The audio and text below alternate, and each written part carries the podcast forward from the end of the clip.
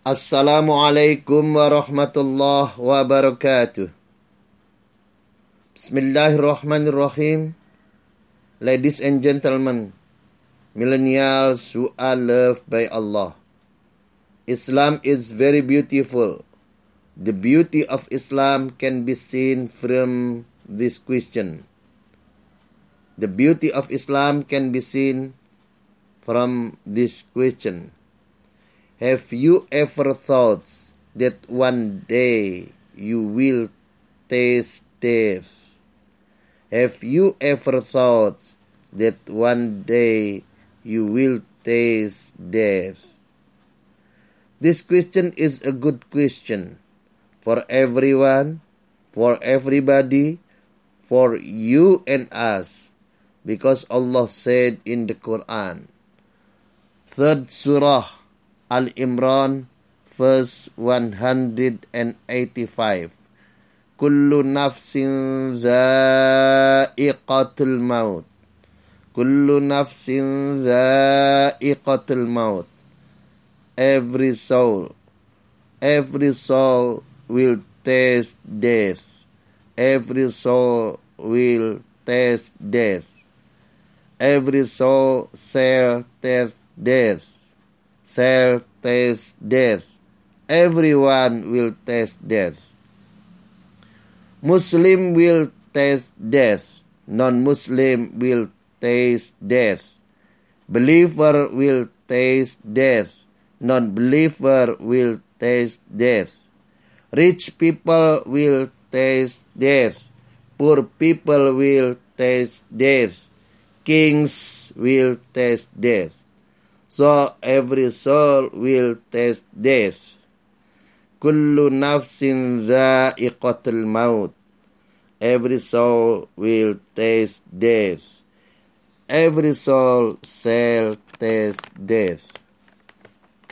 Death in Islam is the termination of worldly life.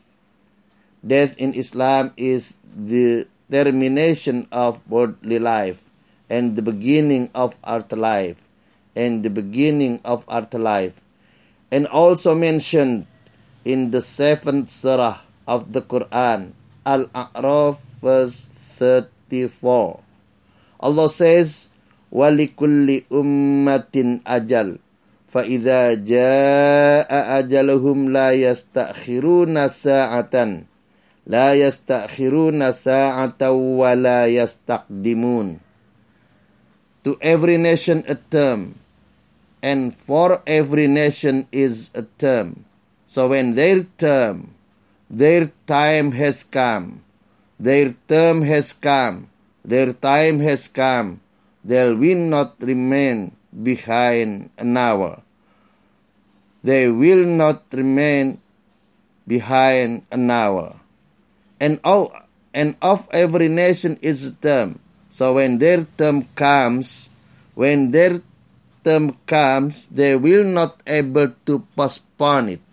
They will not be able to postpone it by single hour, nor will they put it forward.